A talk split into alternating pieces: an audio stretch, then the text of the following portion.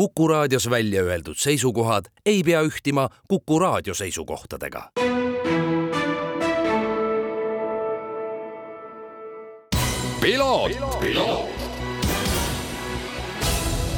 Tervist, head Kuku raadio kuulajad, eetrisse läheb järjekordne saade Piloot ja sedapuhku räägime vormel ühest ja seda loomulikult äh, täiesti põhjusega, kuivõrd sellel nädalavahetusel äh, algab taas kord äh, mootorispordi kõige kuninglik, kuninglikum sari, mis üldse olla saab, see on siis vormel üks ja ees ootab, ma usun, päris põnev hooaeg ja üsna traditsiooniliselt räägin ma sellel teemal Corner One podcasti vedajatega. täna küll ütleme nii, et, et on äh, pool pool podcast'ist kohal, mul on hea, hea meel tervitada Art-Peeter Roosvet, tere hommikust! tere hommikust ja minu kaassaatud äh, Janar Saarenko täna ei jõudnud kahjuks isiklikul põhjustel, aga tervitab kõiki ja kogu F1 perekonda. ja, ja ma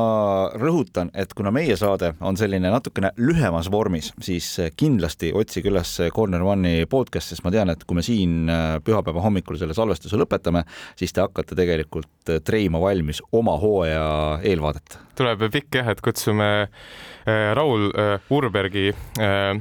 külaliseks siis rulatamismaailmast, aga teab autospordis ka päris palju, et õpetab meile ollid ära ja siis hakkame vormelist rääkima. väga lahe.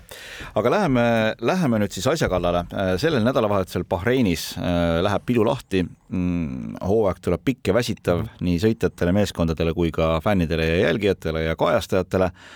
ja esimene arusaam on olemas, kuivõrd äh, möödunud nädala lõpul äh, toimusid siis või möödunud nädalal toimusid siis äh, esimesed ametlikud testid, kus kõik olid koos ja ma usun, et kokkuvõtvalt me saame öelda, et, et sellist otsest lati alt läbijooksjat ei ole. Red Bull suure tõenäosusega domineerib ka aastat kaks tuhat kakskümmend neli mhm. ja selja taga on selline päris huvitav madin tulemas no see on see, et alati see, et F1-s võib kõike juhtuda ja tavaliselt juhtubki, et eh, jah, kui me võtame seda Red, Red Bulli situatsiooni, siis äh, tundub jah, et kõik läheb täpselt nagu eelmine aasta ja noh, ütleme, kui on stabiilsed regulatsioonid, siis muidugi on seda oodata ka, et äh, ei ole selliseid märkimisväärseid staatus quo muudatusi, et isegi nii sarnane on olukord eelmise aastaga, et eelmisel aastal ütles George Russell, et Red Bull võidab kõik etapid ja see aasta ütles Alonso, et noh, Red Bull sisuliselt on juba võitnud, aga äh, alati peame hoidma seda lootust, et F1-s tuleb üllatusi, sest kasvõi panna perspektiivi, et eelmine aasta ütles Russell, et Red Bull võidab kõik etapid, ei võitnud, võitis ühe etapiga Sainz, kes omakorda sai Ferrarist kinga, ainuke, ainuke mitte Red Bulli vend, kes on võitnud ja, ja Lewis Hamilton tuli Ferrarisse, nii et see näitab seda, et tegelikult üllatusi on alati ja ma olen täiesti nõus ka sellega, et et mulle meeldib re reeglite stabiilsus lihtsalt sellepärast, et vahel mul on tunne, et liiga tihti tehakse selliseid äh, knee-jerk reaktsioone anglitsismi kasutades, et äh, et nagu äh, et nagu mingi asi on hakanud vaikselt tööle, minu arust näiteks isegi need kaks tuhat kakskümmend üks aastal lõppenud reeglid, ma oleks, ma oleks võinud veel ühe aasta nendega proovida, sest noh, see kaks tuhat kakskümmend üks hooaeg oli juba näitas, et need reeglid lõpuks hakkasid nagu töötama. et mulle see stabiilsus meeldib ja see on ka tõesti näha, et et keegi pole lati alt hüpanud ja ma arvan, et on põhjust oodata Red Bulli taga väga konkurentsitihedat hooaega stabiilsusest rääkides äh,, mitte ükski sõitja ei ole muutunud, seda ei ole ammu juhtunud vormel üks sarjas kahe hooaja vahel, küll on äh, võistkonna juhtkondades toimunud seal äh, muudatusi ja ma saan aru, et näiteks Bahreini GP-l legendaarne Günter Steiner on kohal, aga ah, ta on kohal või? ta on kohal ah., aga ta on äh, Saksa televisiooni ülekande kaaskommentaator või spetsialist või midagi sellist. ühesõnaga teda kaasatakse, nii et, et siin tegelikult tekib endal täiesti nagu selline äh, hu õigustatud huvi kuidagi nagu seda saksa kanalit äh, kuulama hakata, sest noh, mingisugune saksa keele oskus mul on kuskilt kaugetest aegadest olemas. no minu teada saksa kanalid vist ei tsenseeri roppusi ka, nii et see peaks eriti hea olema nagu see saab olema jah, selline brutaalselt aus, ma arvan. aga kui me räägime nüüd hooaja alguses Red Bullist, mis tegelikult äh, ei olnud hooaja eelsetel testidel kõige kiirem, äh, sest kõige kiiremad ajad ikkagi läksid Ferrarile, kelle juurde me kohe jõuame, siis äh, iseenesest nii palju, kui ma olen jälginud ja kuulanud, kõik ütlevad, et Red Bull ikka sandbag'is korralikult, ehk siis ei kasutanud oma täit ressurssi ära. esimesel päeval reedel muidugi Verstappenilt kõigile selline korralik maksahaak, aga see jäigi ka tema kõige kiiremaks, kiiremaks ajaks kogu testide vältel ja huvitav on see, et, et ei võetud siis seda eelmise aasta autot ja ei arendatud seda nii-öelda edasi, ehk siis äh, Adrian Newey geenius tehniline direktor Red Bullis, võttis kätte ja ütles, et aga poisid, teeme uue auto, vaatame selles mõttes, et noh, võtame uue väljakutse vastu ja see uus auto on tegelikult siis juba varem proovitud kontseptsioon, mida siis Mercedes proovis nojah, see on, ma arvan, et see paneb, äh, arutasime siin enne saadet ka, et see paneb Red Bulli selle domineerimise väga valusalt perspektiivi, et Mercedese viimaste aastate kõige suurem viga võib olla Red Bulli jätkuv edu. ehk siis äh, noh, siin polegi muud öelda, aga noh, see on tegelikult väga loogiline, et F1-s on äh, seismajäämine on tagasiminek nagu enamustes eluasjades ja kui nüüd ütleme niimoodi, et see on juba, see on juba selles mõttes strateegiliselt õige samm, sest kõik tiimid on nagu ideeliselt meeleheitlikult ajavad taga Red Bulli kaks tuhat kakskümmend kolm aasta autot, aga Red Bull on juba kusagil mujal. kas siin võib mingi plott vist olla selles mõttes, et kas siin võib äh, midagi te tekkida, mis annab nagu lootust? no ütleme niimoodi, et Adrian Newey on ajalugu lisaks suurepärastele autokontseptidele ka sellega, et ta vahel ta need ambitsioonikamad mõtted võtavad natuke aega, et jooksma minna. ehk siis ma sellise julge ennustuse teeksin, et äkki Red Bullil see auto seadistamise aken on hooaja esimeses pooles natuke hõredam, kui me oleme harjunud viimastel aastatel, mis annab võib-olla mingites olukordades tiimidele võimalusi, aga muidugi suures pildis on selge, et ilmselge favoriit ja midagi peab ikka väga valesti minema, kui Max Verstappen etappi ei võida, avaetappi. jaa, testide eel muidugi räägiti ka sellest väga palju, et, et see on väga selline julge käik Red Bulli poole pealt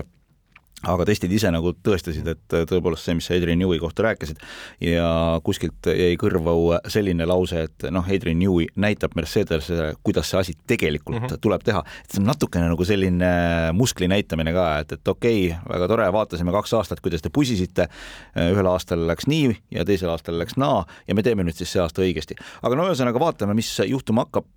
noh, selles mõttes, kui nüüd nagu tehnikat vaadata, siis tõenäoliselt Max Verstappeni kõige suurem vaenlane peaks olema meeskonnakaaslane kaaslasele Sergio Perez, aga mida ta tõenäoliselt ei ole.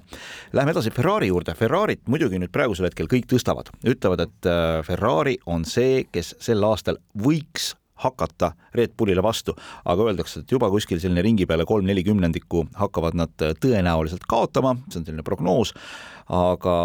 kui kõvasti tööd teha, siis võib tekkida võimalusi. no siin äh, niimoodi selliste ennustuste tegemistest, et jah, on täiesti selge, et meil on Ferrari, aga Ferrari'ga koos on ka väga sellises segases järjekorras on meil Aston, McLaren ja Mercedes ja siis, ja siis Ferrari, et need, need need tiimid on, kes ma arvan, sellel hooajal erinevates faasides Red Bulli hakkavad jälitama, aga praegu, praegu tõepoolest Ferrari on Ferrari on nendest, tundub hetkel, et kõige kiirem, muidugi noh, siin ei saa nüüd päris kindel olla, aga ja, ja üks märkimisväärne asi on ka see, et nad on oma rehvidega saanud, et need pikad jooksud, rehvide kulumine oli palju väiksem kui eelmisel aastal, mis on, näitab, et Ferrari on õigel suunal, nüüd on muidugi ka Hamiltoni tulekuga selline suur mot-, motivaator ja auto tundub, on see, mis Charles Leclerc'ile on rohkem meelepärasem, ehk siis selline kergelt ülejuhitav auto stabiilse esiosaga, nii et see kõike, kõik tundub jah, läheb praegu Ferrari plaani mööda. esimene Fred Vassööri auto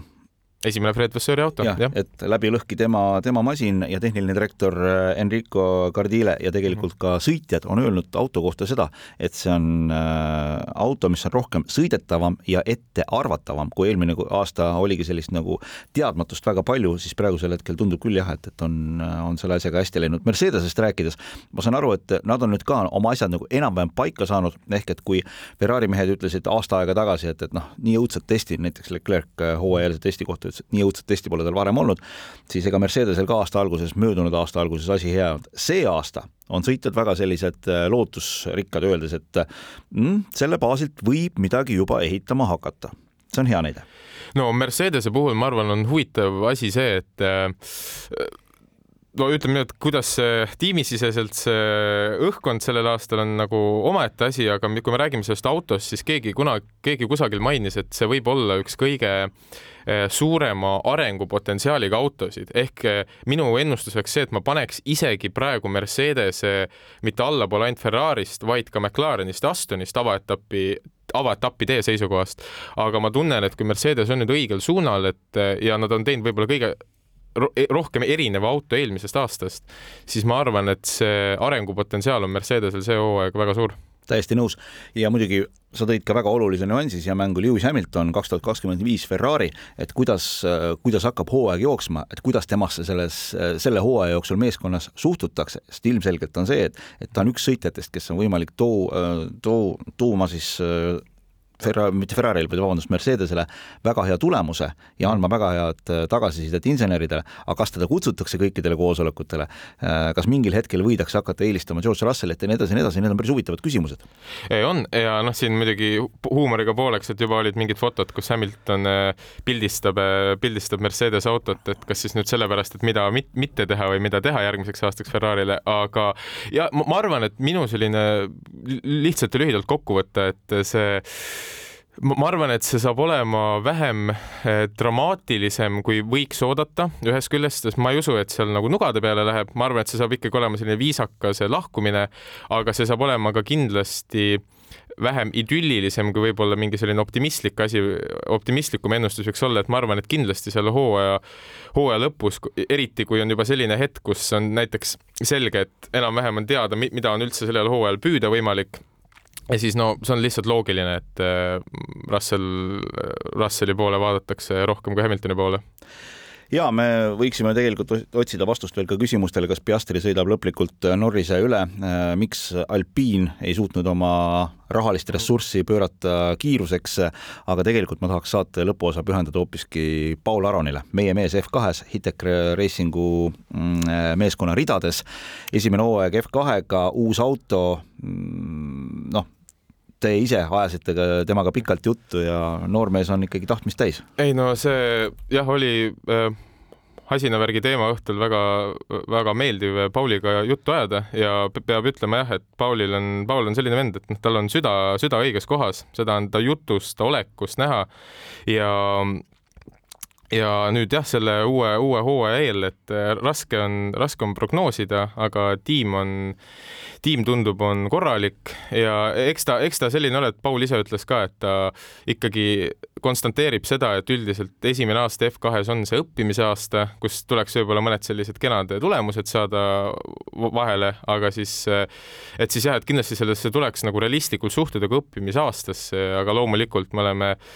me oleme näinud neid pretsedente küll, kus on esimesel aastal tuldud, tuldud F1-e hakatud panema, nii et äh,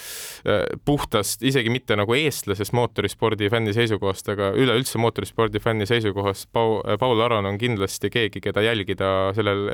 tuleval F2 hooajal ja, ja alustab sarnaselt siis äh, F1 sõitjatega juba sellel nädalavahetusel Bahreinis ning neliteist etappi on siis sõita ja saab olema päris põnev hooaeg ning äh, ma olen sinuga täiesti nõus, et äh, ma tean, et tema sellist nagu suhtumist, see on ikkagi selline, et, et äh, tuleb, tuleb sinna etteotsa jõuda, aga ta väga selgelt, mulle meeldib, annab endale ka aru, et see ei saa olema lihtne ja siin tuleb niimoodi step by, step by step minna ja tööd mm -hmm. see poiss ei karda. ei, see on selge. See on selge. Nii, aga lõpetuseks saame siis rääkida natukene ka Bahreini rajast, mida ma saan aru, et äh, siin testide ajal ka juba upgrade iti, ehk siis seesama mm, nii-öelda kanalisatsiooniluukide teema, just selgitasin ühele heale sõbrale ka, ütlesin, et lihtsalt, et mitte nüüd ei ole küsimus selles, et et, et rada on kehvasti ehitatud, vaid pigem on see, et, et autode selline külgede, maa külgetõmbejõud on äh, nii suur, et see lihtsalt imeb need luugid sealt lahti ja ma arvan, et siin selle järele jäänud nädala jooksul Bahreinis käiakse need luugid kõik ükshaaval üle, keevitatakse kinni, mida saab veel seal kinni keevitada ja, ja selleks nädalavahetuseks ollakse valmis, kus, ma tuletan kõigile meelde, kvalifikatsioon on reedel ja võidusõit on laupäeval mm. -hmm. Et see on nagu oluline ära märkida. Ja seda peab meeles pidama, et F1 ikkagi proovib, proovib uusi asju ja ma arvan, et lihtsalt see on, see on, see on, see on hea neid proovida niimoodi sujuvalt, et äh, ma üldse ei kritiseeriks seda.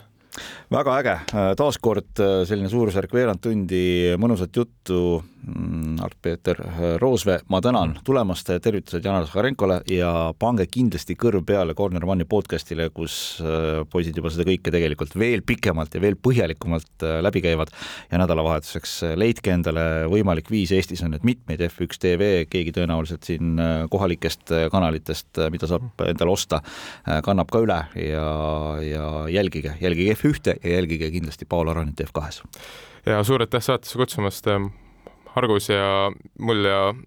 minu ja Janari poolt kogu F1 perekonnal ilusat hooaja algust. täpselt. me kohtume nädala pärast, siis me räägime ka F1-st, aga me räägime F1-st vee peal ning saame võtta kokku siis esimese maailmameistrivõistluste etapi muljed Stefan Arandilt, kes samuti sellel nädalavahetusel stardib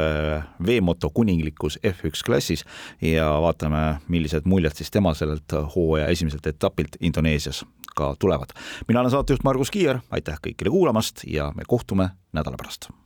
piloot, piloot..